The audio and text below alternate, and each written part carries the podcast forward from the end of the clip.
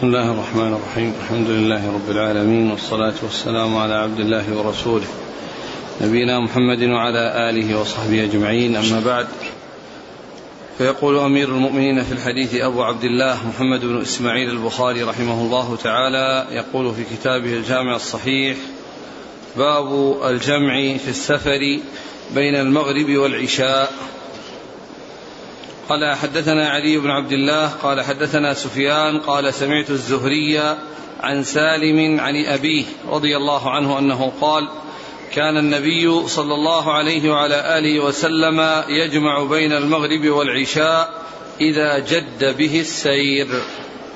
وقال إبراهيم بن طهمان عن الحسين المعلم عن يحيى بن أبي كثير عن عكرمة عن ابن عباس رضي الله عنهما قال كان رسول الله صلى الله عليه وسلم يجمع بين بين صلاة الظهر والعصر إذا كان على ظهر سير ويجمع بين المغرب والعشاء. وعن حسين عن يحيى بن أبي كثير عن حفص بن عبيد الله بن أنس عن أنس بن مالك رضي الله عنه أنه قال كان النبي صلى الله عليه وعلى آله وسلم يجمع بين صلاة المغرب والعشاء في السفر. وتابعه علي بن المبارك وحرب عن يحيى عن حفص عن أنس جمع النبي صلى الله عليه وسلم بسم الله الرحمن الرحيم الحمد لله رب العالمين وصلى الله وسلم وبارك على عبده ورسوله نبينا محمد وعلى آله وأصحابه أجمعين. أما بعد يقول الإمام البخاري رحمه الله باب الجمع بين صلاة المغرب والعشاء في السفر. آه، ثم ورد فيه آه، ثلاثة احاديث حديث ابن عمر وحديث ابن عباس وحديث أنس وهي تتعلق بالجمع بين المغرب والعشاء إذا جد به السير يعني أنه إذا كان سائرا وليس نازلا فإنه يجمع بين المغرب والعشاء. ويكون الجمع تقديما وتأخيرا. فإذا كان قد جد به السير وكان سائرا وقد دخل وقت المغرب فإنه يستمر في سيره إلى أن يأتي وقت العشاء فينزل ويصلي المغرب والعشاء. وإذا كان نازلا قبل أن يأتي وقت الصلاة الأولى التي هي الظهر وكذا والمغرب فإنه إذا دخل وقت الأولى وهو وهو مستقر بالأرض آه، فإنه يجمع جمع تقديم. يصلي الصلاة الأولى التي هي الظهر والمغرب وكذلك يأتي بصلاة العشاء صلاة العصر وصلاة العشاء مقدمة معها. فإذا كان جد به السير وقد دخل الوقت فإنه يواصل إلى وقت الثانية ثم ينزل ويصلي جمع تأخير. وإن كان مستقرا في الأرض وفي مكان آه، آه، نازل فيه ودخل وقت الأولى التي هي الظهر أو المغرب فإنه يجمع جمع تقديم. فإنه يجمع جمع تقديم. فإذا هذا هديه صلى الله عليه وسلم بما يتعلق بالجمع بين الصلاتين. أعد الحديث أعد الحديث. عن عبد الله بن عمر قال كان النبي صلى الله عليه وسلم يجمع بين المغرب والعشاء إذا جد به السير نعم وعن ابن عباس قال كان الرسول صلى الله عليه وسلم يجمع بين صلاة الظهر والعصر إذا كان على ظهر سير ويجمع بين المغرب والعشاء نعم. وعن أنس بن مالك رضي الله عنه قال كان النبي صلى الله عليه وسلم يجمع بين صلاة المغرب والعشاء في السفر وهذه الأحاديث تدل على إثبات الجمع. والجمع يكون في حال كون السير يعني جادا وأنه آه، سائر وليس بنازل ولكنه جاء ما يدل على أنه إذا كان نازلا وهو مسافر فإنه يجمع بين الصلاتين وذلك في غزوة تبوك. فإنه عليه الصلاة والسلام جمع بين الصلاتين وهذا دال على أنه يجوز للإنسان الذي له حق القصر أن يجمع بين بين الصلاتين الظهر والعصر والمغرب والعشاء.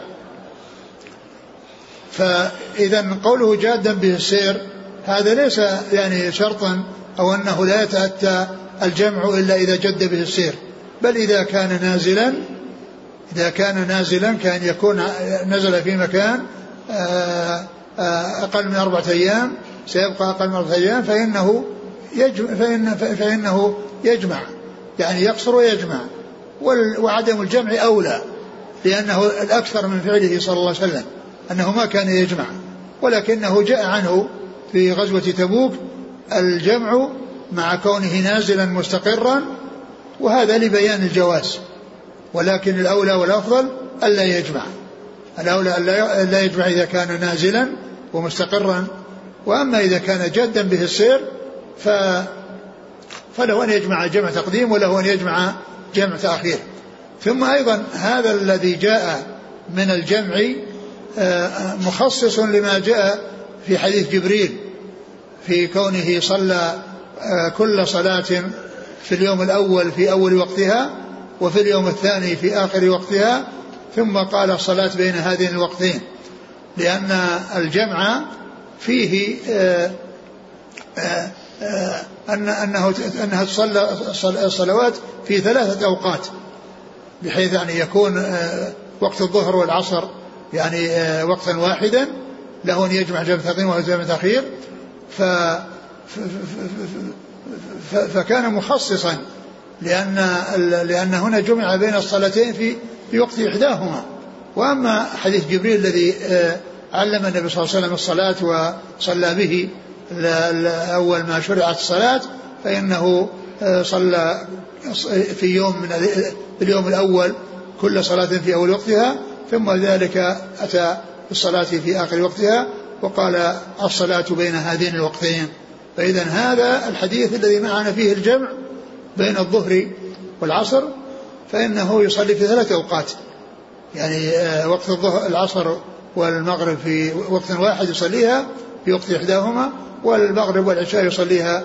آه، فيكون هذا تخصيص لقوله الصلاة بين هذين الوقتين. نعم. قال حدثنا علي بن عبد الله. المديني ابن المديني. عن سفيان. الثوري. سفيان. سفيان عن من؟ عن الزهري. نعم سفيان بن عيينة. عن الزهري. نعم محمد بن مسلم بن عبد الله. عن سالم سالم بن عبد الله بن عمر. عن أبيه. نعم. وقال إبراهيم بن طهمان عن الحسين المعلم. نعم حسين بن ذكوان المعلم. عن يحيى بن أبي كثير عن عكرمة عن ابن عباس. نعم. وعن حسين عن يحيى بن أبي كثير عن حفص بن عبيد الله بن أنس عن أنس بن مالك. نعم. وتابعه علي بن المبارك. نعم. وحرب حرب هو بن شداد نعم. عن يحيى عن عن حفص. يحيى بن أبي كثير. عن حفص عن أنس. نعم. قال رحمه الله تعالى باب هل يؤذن أو يقيم إذا جمع بين المغرب والعشاء؟ قال حدثنا أبو اليمان قال أخبرنا شعيب عن الزهري قال أخبرني سالم عن عبد الله بن عمر رضي الله عنهما أنه قال رأيت رسول الله صلى الله عليه وسلم إذا أعجله السير في السفر يؤخر صلاة المغرب حتى يجمع بينها وبين العشاء. قال سالم وكان عبد الله يفعله إذا أعجله السير ويقيم المغرب فيصليها ثلاثا ثم يسلم ثم قل ما يلبث حتى يقيم العشاء فيصليها ركعتين ثم يسلم ولا يسبح بينها بركعة ولا بعد العشاء بسجدة حتى يقوم من جوف الليل. ثم ذكر باب الأذان أو الإقامة. هل يؤذن أو يقيم إذا جمع بين المغرب والعشاء؟ هل يؤذن أو يقيم إذا جمع بين المغرب والعشاء؟ معلوم أن كل صلاة يؤذن لها ويقام لها. كل صلاة يصليها لكن في حال الجمع فإنه آه، يؤذن ثم يؤتى بالأولى بإقامة ثم الثانية بإقامة. يعني أذان واحد وإقامتين. وهذا ثبت عن رسول الله صلى الله عليه وسلم في حجة الوداع في آه، في مزدلفة. فإنه حصل منه الأذان أو حصل الأذان وحصلت الإقامة الأولى ثم الإقامة للثانية. و وفي هذا الحديث أنه لم يسبح يعني بين, بين بينهما بركعة ولا بعدهما بسجدة. يعني المقصود بذلك أنه لم يتنفل بينهما ولا بعدهما. لم يتنفل بينهما ولا بعدهما. والمقصود بالركعة هي الركعة بركوعها وسجودها. والمقصود من ذلك أنه لم يتنفل لم يحصل منه نافلة أو, أو لم يسبح يعني لم يحصل منه السبحة. لم يحصل من فعل السبحة التي هي النافلة لأنه يقال لها السبحة ولهذا يقال سبحة الضحى وفيه لم يسبح قبلها ولا بعدها يعني أنه أنه لم يحصل فيه التسبيح يعني بين الصلاتين ولا كذلك بعدهما فذكر ذكر الركعة وذكر آه، السجدة. ومعلوم أنه آه، أنه يطلق على على الركعة ركعة ويطلق عليها سجدة لأنها مشتملة على على الركوع والمقصود بالركوع بالركعة الركوع يعني ركعة وسجدة ولكن المقصود ذلك تمام تمام الركعة سواء عبر عنها بالسجدة أو عبر عنها بالركعة. عبر عنها بالسجدة أو عبر عنها بالركعة. وأحيانا يعبر بالسجدة عن عن عن, عن كامل عن كامل الركوع القيام والركوع والسجود. وأحيانا يعبر بالركعة. يعني عن هذا عنها عنها جميعا.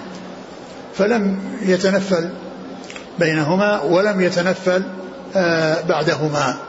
إيش قال؟ ولم يتنفل بعدهما بركعة أو بسجدة. في موضع ركعة وفي موضع سجدة. قال قل ما حتى يقيم العشاء فيصليها ركعتين ثم يسلم ولا يسبح بينها بركعة ولا بعد العشاء بسجدة. نعم. حتى يقوم من جوف الليل. حتى يقوم من جوف الليل يعني أنه يصلي هذه الصلاة المطلقة التي هي صلاة الليل و و و و و والوتر الذي يكون في في, في آخرها. قال حدثنا أبو اليمان. يعني أنه مع حال القصر ليس هناك آه، تطوع يعني تابع للصلاة وإنما النوافل المطلقة مثل صلاة الضحى ومثل صلاة الليل فإن هذه آه، الرسول صلى الله عليه وسلم كان يفعلها قال حدثنا أبو اليمان الحكم بن نافع عن شعيب ابن أبي حمزة عن الزهري نعم. عن سالم عن عبد الله بن عمر نعم. قال حدثنا إسحاق قال حدثنا عبد الصمد قال حدثنا حرب قال حدثنا يحيى قال حدثني حفص بن عبيد الله بن أنس أن أنس رضي الله عنه حدثه أن رسول الله صلى الله عليه وعلى آله وسلم كان يجمع بين هاتين الصلاتين في السفر يعني المغرب والعشاء. نعم ثم ذكر هذا الحديث عن أنس. كان يجمع بين كان يجمع بين هاتين الصلاتين في السفر. المغرب والعشاء؟ نعم. كان يجمع بين هاتين الصلاتين المغرب والعشاء في السفر. ولم يذكر يعني يعني لم يذكر الإقامة التي أو أو الأذان وإنما آه، الإقامة في لكل صلاة وتميز كل صلاة عن غيرها بالإقامة فإنه يقيم للصلاة الأولى ثم يقيم للصلاة الثانية والأذان إنما يكون لهما جميعا فلا يؤذن للثانية وإنما يؤذن للأولى مثل ما فعل عليه الصلاة والسلام بعرفة ومزدلفة. قال حدثنا إسحاق. إسحاق بن إبراهيم. عن عبد الصمد. بن عبد الوارث. عن حرب. نعم بن شداد. نعم. عن يحيى عن حفص بن عبيد الله بن أنس. يحيى بن أبي كثير. نعم. عن حفص بن عبيد الله بن أنس. نعم. عن أنس. نعم. قال رحمه الله تعالى باب يؤخر يؤخر الظهر إلى العصر إذا ارتحل. باب؟ باب يؤخر الظهر إلى العصر إذا ارتحل قبل أن تزيغ الشمس. فيه ابن عباس عن النبي صلى الله عليه وسلم. قال حدثنا حسان الواسطي قال حدثنا المفضل بن فضالة عن عقيل عن ابن شهاب عن أنس بن مالك رضي الله عنه أنه قال كان النبي صلى الله عليه وعلى آله وسلم إذا ارتحل قبل أن تزيغ الشمس أخر الظهر إلى وقت العصر ثم يجمع بينهما وإذا زاغت صلى الظهر ثم ركب.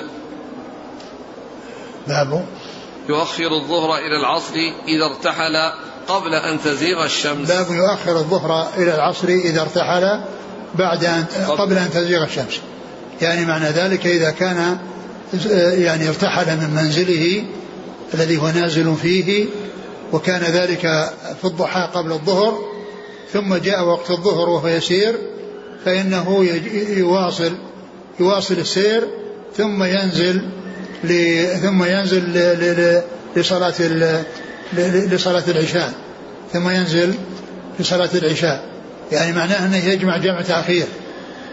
ويكون بذلك جد به السير لأنه كان سائرا قبل أن يأتي وقت العصر وقت المغرب ثم إنه واصل السير إلى أن دخل وقت العشاء فنزل وصلاهما جميعا.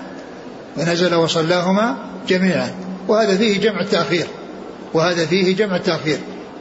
ثم ذكر أنه كان يعني أنه أنه إذا كان نازلا أنه يصلي العصر الظهر ويرتحل. وليس فيه ذكر الجمع. جمع التقديم في هذا الحديث.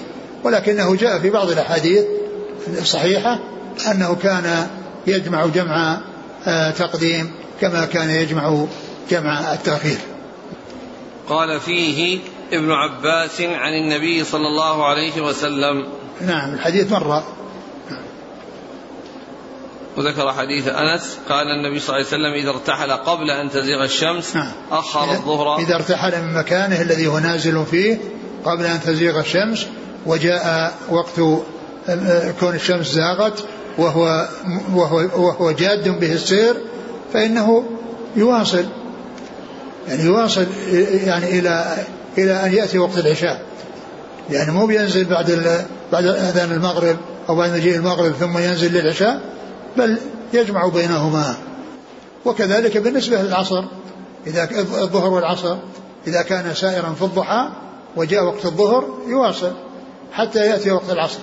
وإذا كان نازلا قبل المغرب و أو كان سائرا من بعد صلاة العصر حتى جاء وقت المغرب فإنه يستمر في سيره وينزل عند وقت صلاة العشاء فيجمع بينهما.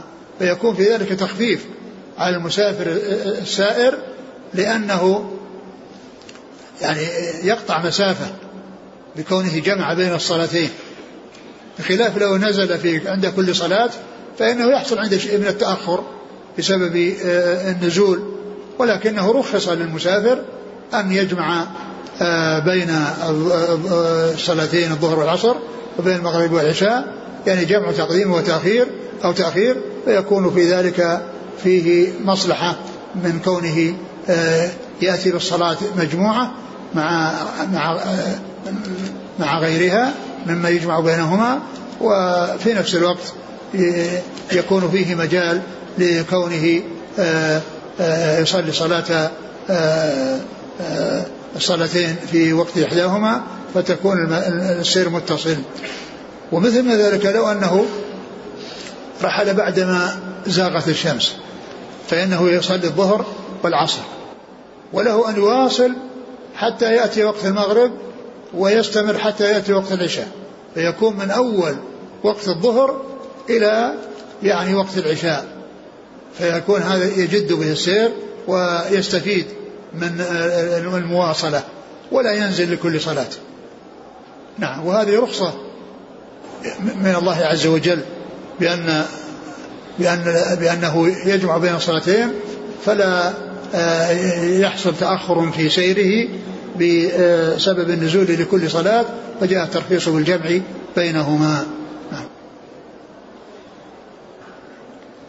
إذا ارتحل قبل أن تزيغ الشمس أخر الظهر إلى وقت العصر ثم يجمع بينهما وإذا زاغت صلى الظهر ثم ركب. يعني إذا زاغت وهو جالس فإنه يصلي الظهر ويركب يعني ما يجمع. لكن الجمع جاء في أحاديث أخرى يعني صحيحة. نعم. قال حدثنا حسان الواسطي. نعم. عن مفضل بن فضالة عن عقيل. عقيل بن عقيل بن خالد. عقيل بن خالد بن عقيل. عن ابن شهاب عن وعقيل وعقيل يعني هذا الاختلاف في الشكل مع الاتفاق في الرسم والنقط ولكن الفرق بالشكل عقيل وعقيل. وهذا يسمى المؤتلف والمختلف. يسمى في علم المصطلح المؤتلف والمختلف. لأنه ما اتفق فيه الرسم واختلف فيه فيه النقط أو الشكل. وهذا مما اختلف فيه الشكل مع الاتفاق في النقط وأما الاختلاف في النقط مثل أبو حمزة وأبو جمرة. أبو حمزة وأبو جمرة. وهما يرويان عن ابن عباس. كل منهما يروي عن ابن عباس. أبو حمزة وأبو جمرة. والفرق بينهما بالنقد. الرسم واحد ولكن الفرق بالنقد. ليس بالشكل وإنما بالنقد. وأما عقيل وعقيل فهو اختلاف في الشكل مع الاتفاق في النقد. وهذا يسمى المؤتلف والمختلف. وهما اتفق فيه اسمان يعني ب يعني بي بي بي بالرسم مع الاختلاف مع مع مع, مع الاختلاف يعني في في النقط أو الشكل. عن ابن شهاب عن أنس بن مالك. قال رحمه الله تعالى باب إذا ارتحل بعدما زاغت الشمس صلى الظهر ثم ركب قال حدثنا قتيبة قال حدثنا المفضل بن فضالة عن عقيل عن ابن شهاب عن أنس بن مالك رضي الله عنه أنه قال كان رسول الله صلى الله عليه وعلى آله وسلم إذا ارتحل قبل أن تزيغ الشمس أخر الظهر إلى وقت العصر ثم نزل فجمع بينهما فإن زاغت الشمس قبل أن يرتحل صلى الظهر ثم ركب. وهذا مثل الذي قبله. نعم. قال حدثنا قتيبة. قتيبة بن سعيد. قلنا أن قتيبة يعني كونه ينسب أو لا ينسب لا إشكال لأن الإشكال فيما إذا كان هناك عدد ممن يسمى قتيبة يعني ويختلف الأسماء الآباء. أما قتيبة في فإنه سواء ذكر منسوبا أو غير منسوب لا لبس لأنه لا يوجد في رجال الكتب الستة من يقال له قتيبة إلا هو.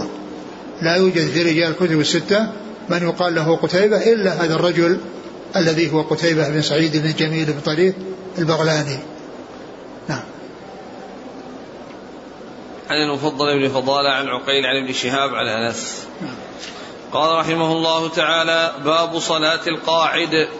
قال حدثنا قتيبة بن سعيد عن مالك عن هشام بن عروة عن أبيه عن عائشة رضي الله عنها أنها قالت صلى رسول الله صلى الله عليه وعلى آله وسلم في بيته وهو شاك فصلى جالسا وصلى وراءه قوم قياما فأشار إليهم أن يجلسوا فلما انصرف قال إنما جعل الإمام ليؤتم به فإذا ركع فاركعوا وإذا رفع فارفعوا. وإذا رفع فارفعوا.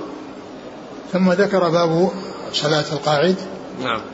باب صلاة القاعد. يعني يكون الإنسان يصلي وهو قاعد يصلي وهو قاعد. فيما يتعلق بالفرائض ليس الإنسان يصلي قاعد مع قدرته على القيام. فإن القيام لا بد منه للقادر عليه. أما بالنسبة للنوافل فيجوز الإنسان أن يصلي وهو قاعد مع قدرته على القيام. يجوز له أن يصلي وهو قاعد مع قدرته على القيام وأجره على وأجره على النصف من أجر الذي يصلي قائما. هذا فيما يتعلق بالنافلة. وأما الفرائض فلا بد من القيام فيها لمن قدر عليه. لابد من القيام فيها لمن قدر عليه. ف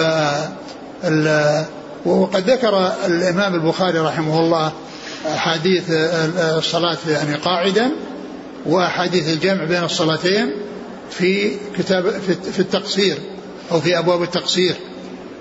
وقال الحافظ بن حجر إنما ذكر الجمع آه، في باب التقصير لأن في تقصير بالنسبة للوقت بالنسبة للزمان. يعني بدل ما كانت خمسة أوقات صار وقت ثلاث أوقات يعني فصار فيه كما أن الرباعية آه، قصرت إلى اثنتين فصار فيه آه، قصر. فإن وجه القصر أو ذكر الجمع في باب القصر هو باب القصر لأن في قصر بالنسبة للزمان. بدل ما تكون خمسة أوقات صارت في ثلاثة أوقات. لأن وقت الظهر والعصر يعني صار وقتا واحدا يصلي جمع تقديم وتأخير والمغرب والعشاء يعني كذلك يصلي جمع تقديم وتأخير والفجر في وقتها فصارت الصلوات بالنسبة للزمان ثلاث ثلاث أوقات. فإذا هذا هو كونها يعني آه، أدخلت في باب القصر. أدخلت في باب القصر مع أنها ليست يعني القصر المتبادر الذي هو قصر الرباعية من الأربع إلى الثنتين. وكذلك القعود يعني لأنه قصر في الهيئة لأن الأصل أن الصلاة يعني فيها قيام وقعود ويعني قيام وجلوس ف يعني آه، آه، اختصر أو قصر يعني بدل ما يكون القيام صار فيه جلوس. صار فيه جلوس فقط أو قعود. يعني فيكون وجه إدخال يعني آه، أحاديث الصلاة يعني قاعدا وأحاديث الجمع بين الصلاتين في كتاب القصر أو في أبواب القصر لأن لأن فيها قصر في الجملة. لأن فيها قصر في الجملة. هذا قصر بالنسبة للأزمان أو الزمان وهذا قصر بالنسبة للهيئة والفعل والأفعال. لأن لأنه في حال القعود ليس هناك قيام مع أن الإنسان الذي يعني يعني يأتي بالصلاة يعني على على وجهها أو على تمامها فيه قيام أقول فيه قيام وفيه قعود. نعم. ثم ذكر حديث. حديث. عائشة. نعم قال صلى. صلى الله عليه وسلم في بيته وهو شاك فصلى جالسا. وصلى وراءه قوم قياما فأشار إليهم أن اجلسوا. فلما انصرف قال إنما جعل الإمام ليؤتم به فإذا ركع فاركعوا وإذا رفع فارفعوا. وجاء في في آخره في بعض الأحاديث وإذا صلى يعني قاعدة فصلوا قعودا. وهذا هو الذي يطابق لكنه يعني لم يأتي هنا ولكنه جاء في آه، بعض الروايات. والمقصود من ذلك أن أن أن القاعد الذي آه، أو الإمام إذا أصابه علة واحتاج إلى أن يصلي جالسا ودخل في الصلاة من أولها فإن المؤمنين يصلون بصلاته ويقعدون ولو كانوا قادرين لأنهم تبعا له فلا يخالفونه. ولهذا لما صلى ووقفوا قائمين أشار إليهم أن يجلسوا وثم قال كدتم أن تفعلوا فعل فارس والروم يقومون على رأس ملوكهم وهم جلوس. فدل هذا على أن الصلاة تكون عن عن قعود ولو كانت في الفرض فيما إذا كان الإنسان تابعا للإمام والإمام لا يستطيع أن يصلي قائما فإنه يصلون وراءه جلوسا كما أرشد إلى ذلك رسول الله صلى الله عليه وسلم بإشارته إليهم بأن يقعدوا بدل ما كانوا قائمين. و وهذه مسألة سبق أن تقدمت ومرت فيما يتعلق بصفة الصلاة وأن وهل يصلي يعني قاعدا أو يصلي قائما. وقد جاء في آخر عهده صلى الله عليه وسلم أنه صلى قاعدا والناس وراءه. وجمع بينهما بعض أهل العلم بأن الأول بدأ بالصلاة وهم وراءه فجلسوا. وأما في الآخر فإنهم داخلون في الصلاة قبله. وجاء وأبو بكر يصلي بهم. فجلس بجواره وكان الرسول صلى الله عليه وسلم هو الذي يكبر وأبو هريرة يبلغ وراءه وأبو بكر رضي الله عنه يبلغ يعني وهو بجواره يبلغ الناس الذين يعني لانخفاض صوته وعدم آه، آه، قدرته على رفع الصوت صلوات الله وسلامه وبركاته عليه. قال حدثنا قتيبة بن سعيد عن مالك عن, عن مالك بن انس عن هشام بن عروة عن أبيه عن عائشة. نعم. وكونه شاك يعني إنه آه، أصابه يعني تأثر لأنه سقط من فرس فجحش شقه يعني حصل فيه خدوش فكان يعني لا يستطيع أن يقوم صلوات الله وسلامه وبركاته عليه وصلى بهم قاعدا وأشار آه، لهم بأن يقعدوا وأن يصلوا وراءه قاعدين. قال حدثنا أبو نعيم قال حدثنا ابن ابن عيينة عن الزهري عن أنس رضي الله عنه أنه قال سقط رسول الله صلى الله عليه وسلم من فرس فحدش أو فجحش شقه الأيمن فدخلنا عليه نعوده فحضرت الصلاة فصلى قاعدا فصلينا قعودا وقال إنما جعل الإمام ليؤتم به فإذا كبر فكبروا وإذا ركع فاركعوا وإذا رفع فارفعوا وإذا قال سمع الله لمن حمده فقولوا ربنا ولك الحمد. نعم وهذا مثل الحديث الذي قبله. قال حدثنا أبو نعيم الفضل بن دكين. عن ابن عيينة عن الزهري عن أنس. قال حدثنا إسحاق بن منصور قال أخبرنا روح بن عبادة قال أخبرنا حسين عن عبد الله بن بريدة عن عمران بن حسين رضي الله عنهما أنه سأل نبي الله صلى الله عليه وعلى آله وسلم. قال أخبرنا إسحاق قال أخبرنا عبد الصمد قال سمعت أبي قال حدثنا الحسين عن أبي بريدة. هكذا وقع. عن ابن بريدة. وقع في النسخة أبي بريدة. نعم. في نسخة أخرى ابن بريدة. نعم. قال حدثني عمران بن حسين وكان مبسورا. قال سألت رسول الله صلى الله عليه وسلم عن صلاة الرجل قاعدا فقال إن صلى قائما فهو أفضل. ومن صلى قاعدا فله نصف أجر القائم ومن صلى نائما فله نصف أجر القاعد. ثم ذكر باب لا الحديث نفسه لازم صلاة القاعد. نعم. في صلاة القاعد. عمران بن حسين رضي الله عنه سأل النبي صلى الله عليه وسلم وكان يعني مبسورا يعني فيه بواسير. يعني كان فيه بواسير فسأل النبي صلى الله عليه وسلم عن صلاة القاعد فقال إن صلى قائما فهو أفضل. يعني إذا كان أنها يعني يقدر على أن يقوم ولو مع المشقة فهو أفضل أن يقوم يعني أن يصلي قائما ولو كان عنده شيء من المشقة. وله أن يصلي قاعدا. أما إذا كان ما في مشقة فإنه لا بد من الصلاة قائما بالنسبة للفرض. أما بالنسبة للنفل فإنه يجوز مع القدرة. النفل يجوز أن يصلي قاعدا مع القدرة وله مثل أجر صلاة القائم. وله وله نصف صلاة القائم.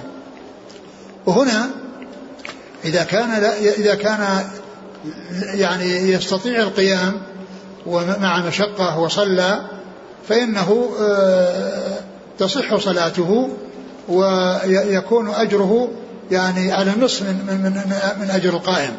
وكذلك إذا كان قادرا يعني على القيام مع على القعود مع مشقة وصلى يعني وهو على جنبه صلى نائما يعني معناه أنها مضطجع. ليس المقصود النوم وكونه يعني قد نام و يعني فقد وعيه. فإن الصلاة لا بد فيها من, من, من كون الإنسان يصير مستيقظ. ما يكون نائم. وإن المقصود بقوله النائم يعني مضطجع. لأن الاضطجاع هو مظنة النوم أو هو الذي يكون معه النوم.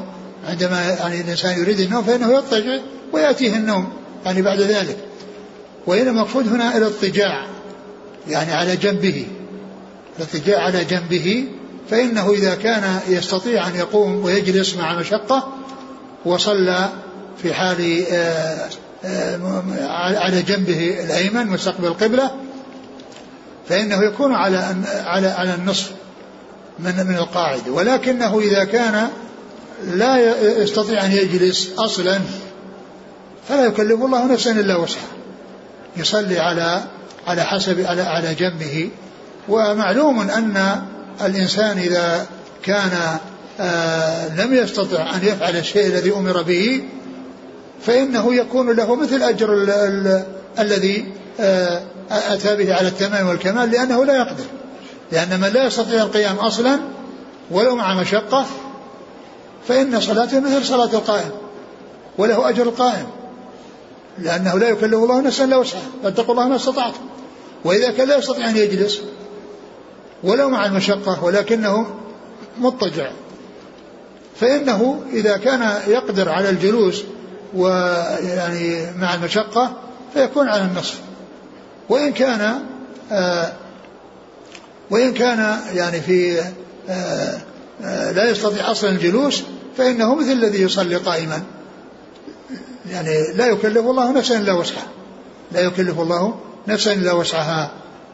وقد جاء في الحديث عن النبي صلى الله عليه وسلم الذي رواه البخاري في صحيحه وهو في كتاب الجهاد إذا مرض العبد أو سافر كتب له ما كان يعمل صحيحا مقيما.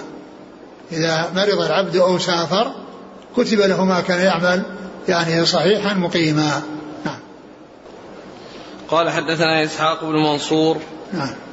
عن روح الكوسج عن روح بن عبادة. نعم. عن حسين. حسين بن المعلم هذا الذي مر. نعم. عن عبد الله بن بريدة. نعم. عن عمران بن حسين. نعم.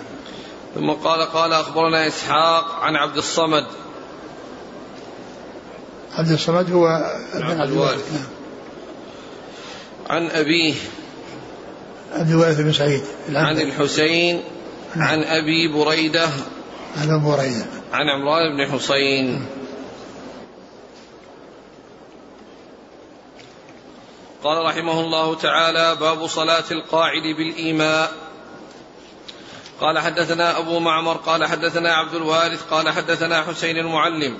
عن عبد الله بن بريدة أن عمران بن حسين رضي الله عنهما وكان رجلا مبسورا. وقال أبو معمر مرة عن عمران قال سألت النبي صلى الله عليه وسلم عن صلاة الرجل وهو قاعد فقال من صلى قائما فهو أفضل ومن صلى قاعدا فله نصف أجر القائم ومن صلى نائما فله نصف أجر القاعد. قال أبو عبد الله نائما عندي مضطجعا ها هنا. نعم يعني أن هذا مثل الذي قبله وقال نائما يعني مضطجعا. ليس المقصود أنه نائم يعني الذي آه، آه، لأن آه، القلم مرفوعا عن عن النائم حتى يستيقظ وغير مكلف في حال نومه ولكن المقصود هنا المضطجع لأن الاضطجاع هو الذي يأتي معه النوم. إذا اضطجع الإنسان يعني يأتي معه النوم وهو الذي ينقض الوضوء إذا يعني حصل له النوم مضطجع وأما إذا حصل له النعاس وهو جالس فإنه يخفق رأسه ثم ينتبه فيذهب عنه النوم. أما إذا كان مضطجعا فهو مستقر مستغرق في النوم ويعني متمكن من النوم. قال حدثنا أبو معمر. وفيه تفصيل الذي ذكرته. يعني إذا كان قادرا على القيام مع مشقة وصلى جالسا تصح صلاته وهو على النصف. وأما إذا كان لا يستطيع القيام أصلا ولو مع المشقة فإنه مثل الذي يصلي قائم لأن هذا هو الذي يقدر عليه.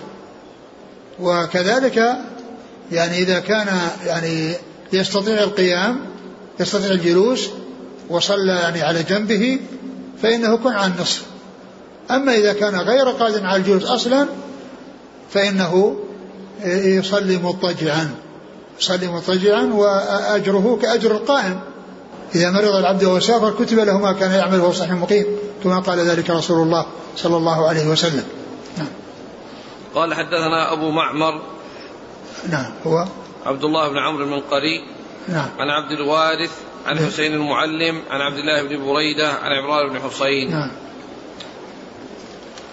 قال رحمه الله تعالى باب إذا لم يطق قاعدا صلى على جنب. وقال عطاء إن لم يقدر أن يتحول إلى القبلة صلى حيث كان وجهه. قال حدثنا عبدان عن عبد الله بن عن عبد الله عن إبراهيم بن طهمان قال حدثني الحسين المكتب. نعم هو مكتب هو معلم. يعني هناك بالنسبة للتعليم وهنا بالنسبة للكتابة نعم. عن ابن بريدة عن عمران بن حسين رضي الله عنهما أنه قال كانت بي بواسير فسألت النبي صلى الله عليه وسلم عن الصلاة فقال صل قائما فإن لم تستطع فقاعدا فإن لم تستطع فعلى جنب. باب إذا لم يطق قاعدا صلى على جنب. إذا لم يطق قاعدا صلى على جنب. وله إذا كان غير قادرا على القعود فإنه كالذي يصلي قائما. لا لا يكلف الله نفسا لا وسعها. أما إذا كان يقدر بمشقة وصلى فإنه يكون على النصف من صلاة من صلاة القاعد. ومعلوم أن, أن أنه إذا كان يعني مع مشقة فإن يعني صلاته صحيحة ولكنه على النصف من القاعد إذا كان مضطجعا. وأما إذا كان لا يستطيع إلا الاضطجاع فإنه يعني كأجر المصلي يعني كأجر المصلي القادر على على القيام. وذكر هذا الأثر الذي فيه أنه كان مريض كان لا يستطيع أن يتجه إلى القبلة يعني في في حال مرضه وكونه على جنبه فإنه يصلي على حسب حاله. يصلي على حسب حاله. وإذا لم يستطع أيضا أن يصلي على جنبه كل من الجنبين يعني لا يستطيع أن يصلي عليهما فله أن يصلي مستلقيا فله أن يصلي مستلقيا وإذا كان يصلي إلى جنبه ينام على شقه الأيمن ويكون مستقبل القبلة. وإذا كان لم يستطع وصلى يعني مستلقيا فإنه يكون آه، رجليه آه، إلى جهة القبلة ورأسه كذلك متجها إلى القبلة ويكون ذلك بالإيماء والإشارة. نعم قال حدثنا عبدان. عبدان هو عبد الله بن عثمان المروزي. عبد, عبد الله بن عثمان المروزي. وعبدان لقب له ولقبه مأخوذ من اسمه. لقبه مأخوذ من اسمه. مثل يعني عبد الله يقال يلقب عبدان وكذلك فيهم من هو عبد الله ويلقب عباد. فالاسم مأخوذ من, من, من اللقب مأخوذ من الاسم. ولهذا يذكر باسمه ويذكر بلقبه. يذكر باسمه عبد الله بن عثمان ويذكر بلقبه عبدان. عن عبد الله وهو بن المبارك المروزي. عن إبراهيم الطهمان نعم. عن الحسين المكتب. نعم. عن ابن المكتب هو المعلم. يعني يعني يعلم الكتابة يعني كونه يعني يعلم الكتابة وكذلك يعلم غير الكتابة فيقال له المعلم ويقال له المكتب نعم. عن ابن بريدة عن عمران بن حصين نعم. قال رحمه الله تعالى باب إذا صلى قاعدا ثم صح أو وجد خفة تمم ما بقي وقال الحسن إن شاء المريض صلى ركعتين قائما وركعتين قاعدا قال حدثنا عبد الله بن يوسف قال أخبرنا مالك عن هشام بن عروة عن أبيه عن عائشة رضي الله عنها أم المؤمنين أنها أخبرت أنها لم تر رسول الله صلى الله عليه وسلم يصلي صلاة الليل قاعدا قط حتى أسن فكان يقرأ قاعدا حتى إذا أراد أن يركع قام فقرأ نحوا من ثلاثين آية أو أربعين آية ثم ركع. باب إذا صلى قاعدا ثم صح أو وجد خفة تمم ما نعم. بقي. إذا صلى قاعدا ثم ثم صح يعني بدل ما كان مريضا صح ذهب عنه المرض. فإنه يكمل الباقي قائما ولا يستأنف الصلاة من جديد لأن الذي مضى في حال عجزه وفي حال عدم قدرته معتبر. ولكنه إذا حصل له صح صح أو حصل له خفة واستطاع أن يقوم فإنه يقوم ويكمل يكمل الباقي معتبرا ما مضى. لا أنه يعني يستأنف الصلاة من جديد ويلغي الركعتين التي حصلت عن جلوس. لأن تلك حصلت في وقتها الركعتان هذه حصلت في وقتها يعني عدم قدرة ثم حصلت القدرة وحصل النشاط فإنه يقوم ويكمل ما بقي قائما يقوم ويكمل ما بقي قائما ولا يصلي جالسا مع كونه صحيحا أو قادرا وإنما آه، يعتبر ما مضى ويأتي بما بقي على هيئته الكاملة التي هي القيام التي هي القيام. يعني تمم ما بقي يعني أتى بالذي بقي على الهيئة أو كمله يعني معتبرا ما مضى. غير مستأنف للصلاة من جديد بحيث يأتي بها أربع ركعات في حال قيامه بل الركعتان الأولى معتبرتان لأنهما في مرض والركعتان الأخيرتان معتبرتان لأنهما في صحة. آه. وقال الحسن إن شاء المريض صلى ركعتين قائما وركعتين قاعدا. وقال وقال الحسن نعم. إن شاء المريض صلى ركعتين قائما وركعتين قاعدا. يعني هذا مثل الذي آه، يعني آه، الذي دلت عليه الترجمة. يعني ولكن هذا يعني ليس تخييرا بأنه آه، يعني يعني وإنما يعني حيث حصل شيء يقتضي ذلك بأن يكون صح فيأتي بالركعتين قائما وبالركعتين جالسا. نعم. حديث عائشة أنها لم ترى صلى الله عليه وسلم يصلي صلاة الليل قاعدا قط حتى أسن. يعني النبي صلى الله عليه وسلم كان يصلي الليل عن قيام. يصلي الليل عن قيام. وبعدما أسن وكبر عليه الصلاة والسلام كان يصلي يعني قاعدا. كان يصلي قاعدا وله أجر الصلاة كاملة. يعني ليس كغيره عليه الصلاة والسلام إذا صلى قاعدا مع مع قدرته يعني ولكنه لما وجد الضعف وجد كبر حصل له كبر السن وتقدمت به السن عليه الصلاة والسلام فإنه كان يصلي جالسا لكن لا يقال إنه على النصف من صلاة القائم وإنما له الأجر كاملا وهذا خاص به عليه الصلاة والسلام. حتى أسن فكان يقرأ قاعدا حتى إذا أراد أن يركع قام فقرأ نحو من ثلاثين آية أو أربعين آية ثم ركع. نعم يعني كان يبتدئ الصلاة قاعدا ثم بعد أن يبقى أو إذا بقي مقدار ثلاثين آية أو أربعين آية قام وكملها ثم ركع عليه الصلاة والسلام. فهذا يدل على أنه بالنسبة للنافلة للإنسان أن يبدأ للإنسان يبدأ الركعة وهو جالس يبدأ الصلاة وهو جالس ثم إذا قرب من من من من الركوع فإنه يقوم ويقرأ يعني بعض القرآن ولكنه يدل على أنه أقل من الذي قبله لأنه كان يعني معناه أنه كان يصلي وهو قاعد يعني كثير يعني يقرأ كثيرا ثم إنه يأتي بمقدار ثلاثين آية وأربعين آية ثم يركع. وكذلك أيضا يعني يسوق العكس بأن يكون قائما ثم يجلس أن يكون قائما ثم ثم يجلس. نعم. قال حدثنا عبد الله بن يوسف هو؟ النيسي نعم. عن مالك عن هشام بن عروة عن أبيه عن عائشة. نعم.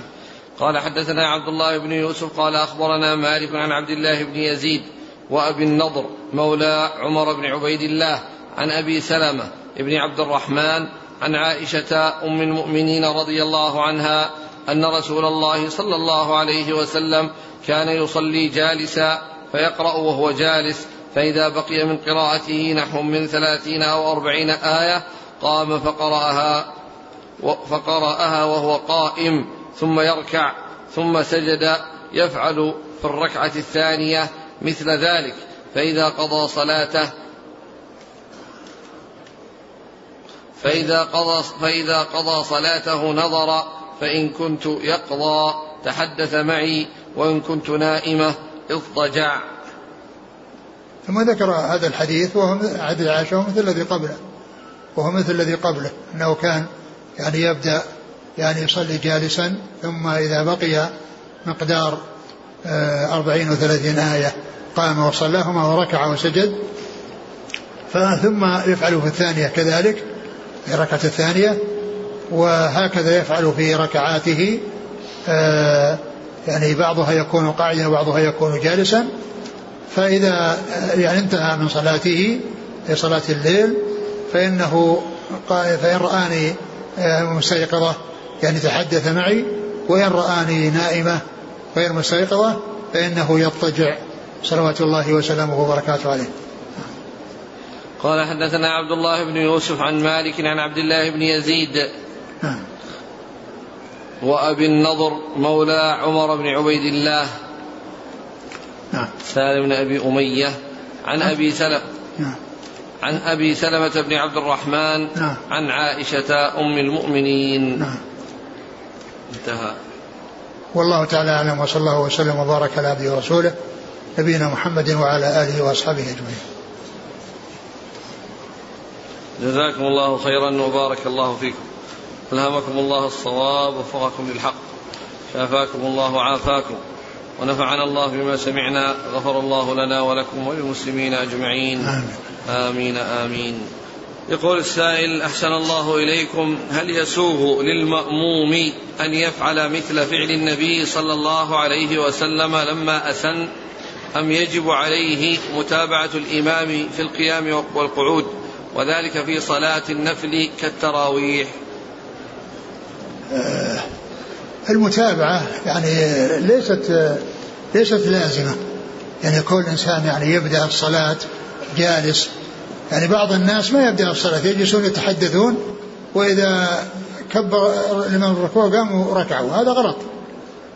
هذا غلط لأنهم غير مصلين وغير مسبوقين بحيث أنه يعني يمكنهم أن يدركوا الركوع. لأنهم كانوا جالسين. لكن كونه يعني يجلس ويقوم أو يقوم ثم يجلس لا بأس بذلك. وإن تابعه يحصل أجر كاملا. لأن الإنسان الذي يصلي جالسا مع القدرة على القيام له نصف الأجر يعني في التطوع يعني بالنسبة للنافلة. يقول رجل جمع بين المغرب والعشاء جمع تقديم. ثم وصل إلى مدينته على وقت صلاة العشاء فهل يصلي مع الناس؟ لا شك كونه يذهب إلى المسجد ويصلي مع الناس لا شك أن هذا يعني هو الذي ينبغي الإنسان يسمع النداء ويذهب يصلي مع الناس ويعني تكون نافلة لأن صلاته الأولى صلاة هي الأولى الفريضة والثانية نافلة يعني مثل لأن اقتداء المتنفل بالمفترض يعني سائر كما في قصة الرجلين في مسجد الخير في صلاة الفجر وكذلك بالنسبة للمتنفل المفترض فوز المتنفل أيضا سائر كما في قصة معاذ. كان حيث كان يصلي مع النبي صلى الله عليه وسلم الفرض ثم يذهب إلى قومه ويصلي بهم تلك الصلاة وهو متنفل وهم مفترضون. يقول رجل يعمل في عمل يبعد عن محل إقامته 350 كيلو متر فعندما يذهب إلى عمله يجمع ويقصر علما بأنه يمكث كل أسبوع في عمل خمسة أيام. إذا كان يبقى إذا كان يمكث خمسة أيام فإنه يتم. إذا كان مستقرا في بلد يعني خمسة أيام أكثر من أربعة أيام فإنه يتم من حين يدخل. لكنه في حال سيره وهو يعني سائر فإنه يقصر ويجمع. هل للمسافر أن يؤم الناس جماعة في الحضر؟ له له ذلك. أقول له ذلك أن يصلي وهم يتمون وراءه. لكن كونه يصلي يعني إماما يتم يعني هذا هو الأولى. يقول إذا كنت في سفر وأخرت المغرب إلى العشاء وجئت إلى المسجد فوجدت جماعة يصلون لا أدري هل يصلون المغرب أو العشاء. دخلت معهم وتبين لي أنهم يصلون العشاء وقد أدركت الركعة الأولى فماذا أفعل؟ إذا وجدت أناس يصلون العشاء وأنت عليك المغرب فادخل معهم بنية المغرب. ادخل معهم بنية المغرب وبعدما يعني يسلم الإمام تأتي بال يعني الذي بقى بقي عليك من صلاة المغرب. إن إن دخلت معهم في الأول وقام للرابعة اللي هو في العشاء وهو يتم فأنت تجلس ولا تقوم معه للرابعة وإنما تجلس حتى يسلم وتسلم معه. وإن أدركت أتيت بركعة تأتي بركعتين. وإن أدركت ركعتين تأتي بركعة. وهكذا. يقول أحسن الله إليك. ما حكم جمع صلاة العصر إلى الجمعة؟ صلاة الجمعة. لا يجمع لا يجمع بين العصر والجمعة لأن الجمعة لها أحكام خاصة ولا أحكام تخصها وأما العصر فهي آه، تجمع مع الظهر ولكن لا تجمع مع الجمعة.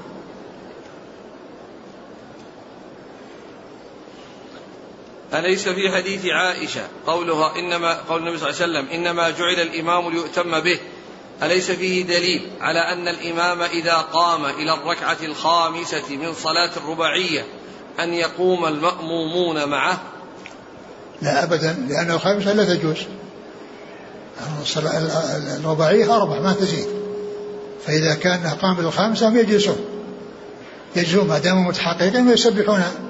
ويسبحون. يعني به حتى يرجع. ولا يجوز لهم وهم يعلمون أنها خامسة أن يتابعوه على الخطأ. وإنما عليه أنه يجلس إذا يعني كب إذا ك يعني يعني سبح به عدد. أما إذا كان واحدا يعني فقد يكون قد يكون الواحد هو هو هو المخطئ. هذا اللي سبح لكن إذا تكرر وحصل من عدد فإنه يجلس. إذا صلى المسافر خلف المقيم هل يصلي الرواتب بعد الفريضة؟ نعم له أن يصلي لأن الروا... لأنه ما دام أتم وصلى صلاة تامة فإنه يأتي بالرواتب. وإنما الذي لا يأتي بالرواتب هو الذي يقصر. كما قال ابن, عب... ابن عمر لو كنت مسبحا لأتممت إذا كان يجوز الجمع في الحضر للحرج فما هو ضابط الحرج؟ يعني أن يكون في حرج يعني آه معروف مثل كون طبيب بيسوي عملية. يعني والعملية تستغرق يعني وقت بحيث إنه يعني آه يعني لا يعني إلا بعد دخول الوقت. من أمثلة الجمع في الحضر دفعا للحرج هو كما كما أشرت الطبيب الذي يعني قام بعملية يعني في وقت الظهر ويستغرق يعني تستغرق العملية أن يدخل وقت العصر فان له أن يؤخر. فله أن يؤخر الظهر ويجمع يجمعها مع العصر وهو في الحضر في مثل هذه الصورة. فيه في كلام الحافظ بن حجر حول نقل حامد المنير فيما إذا كان الرجل يعني مريض يعني أو أنه يعني ينسى يعني فلا يعني يكون حافظا للصلوات أو الركعات.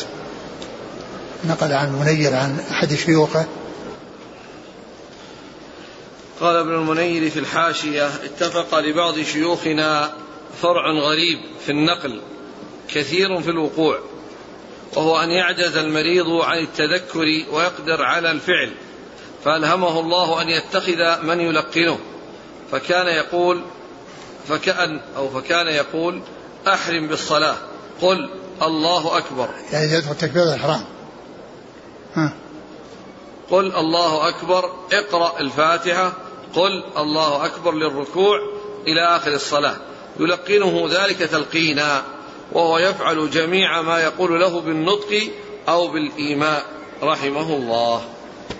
يعني هذا النقل نقله عن عن ابن منير عن أحد شيوخه أنه كان يعني أرشد إلى هذا ولم يتعقب الحافظ بن حجر بشيء والذي يبدو يظهر الله أعلم. أن كونه يصلي به إماما يصلي به إماما وهو يتابعه هذا هو الذي ينبغي. ومعلوم أن اتمام المفترض بالمتنفل صحيح. يعني فإذا صلى وأدى الفرض ثم جاء إلى هذا المريض الذي عنده النسيان وعدم التذكر ثم صلى به. فإن هذا يحصل به المقصود. ولا يحتاج إلى أن يقول قل الله أكبر اقرأ القرآن اقرأها جالس بجواره يلقنه أو ينبهه. فإن يعني يبدو والله أعلم أن كونه يصلي به إماما هو متنفل وهذا مفترض أن هذا هو الأولى. نعم. ثم هذه الليلة هي الثانية عشر من شهر ربيع الأول. وقد اشتهر عند الناس أنها يعني ليلة المولد ولد الرسول صلى الله عليه وسلم. فيحتفلون بهذه الليلة وبهذه المناسبة. ومن المعلوم أن الاحتفال بالموالد ليس له أساس في الدين ولم يأتي عن رسول الله عليه الصلاة والسلام ولا عن صحابته الكرام ولا عن التابعين ولا عن أتباع التابعين.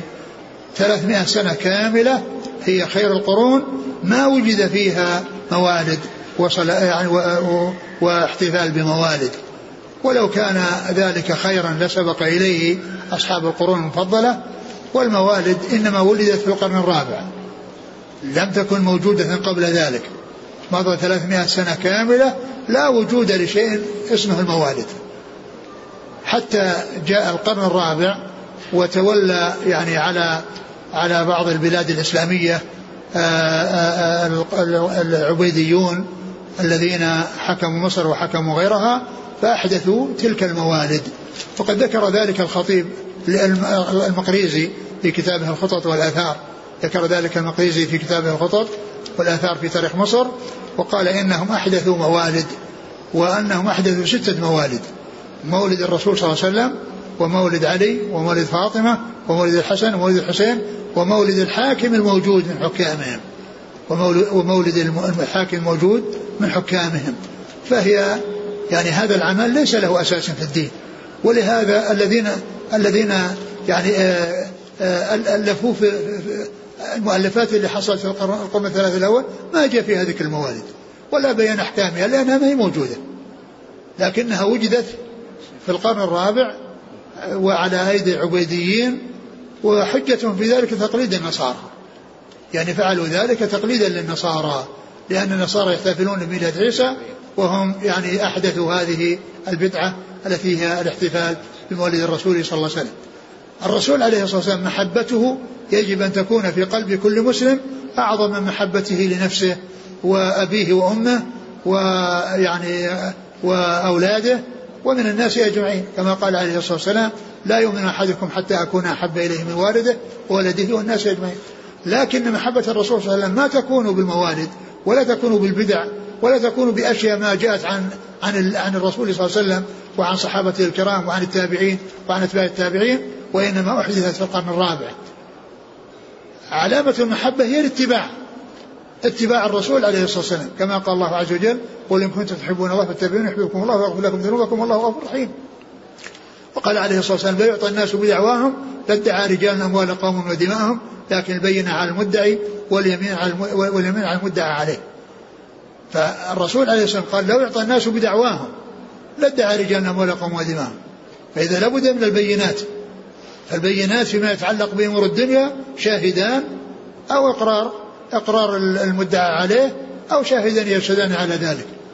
وإذا لم يحصل يعني إقرار منه ولم يحصل إثبات بينة تشهد على ثبوت الحق فإنه يستحلف المدعى عليه وتبرأ ساحته وتبرأ ساحته. أما وإذا كانت هذه أمور الدنيا لا بد فيها من من من من, من إقامة البينات فلا بد أيضا في أمور الدين من في أمور العبادة من إقامة البينات. والبينة هي اتباع الرسول صلى الله عليه وسلم. البينة كونه يعني يأتي بسنة عن الرسول صلى الله عليه وسلم على هذا الذي آه، آه، آه، ابتدع وعلى أن له أصل في الدين وإلا فإنه يكون مردودا على صاحبه. ولو كان الاحتفال بالموالد خيرا لسبق إليه أصحاب الرسول صلى الله عليه وسلم ولا جاء عن الرسول صلى الله عليه وسلم. فإذا إذا مضى ثلاثة قرون كاملة ولا يوجد شيء اسمه الموالد ولا تكلم العلماء في الموالد في هذه السنوات وإنما لما في القرن الرابع بدأ الناس يتكلمون فيها. بدأ الناس يتكلمون فيها ويحصل فيهم الحديث عنها ومنهم من منهم من يؤيدها ومنهم من يعني يمنعها ولكن كما هو معلوم لا بد من من من أساس يستند عليه. والأساس هو ما جاء عن الله ورسوله صلى الله عليه وسلم وعن أصحابه الكرام ولم يأتي شيء من ذلك. جزاكم الله خيرا. سبحانك الله وبحمدك نشهد أن لا إله إلا أنت نستغفرك ونتوب إليك.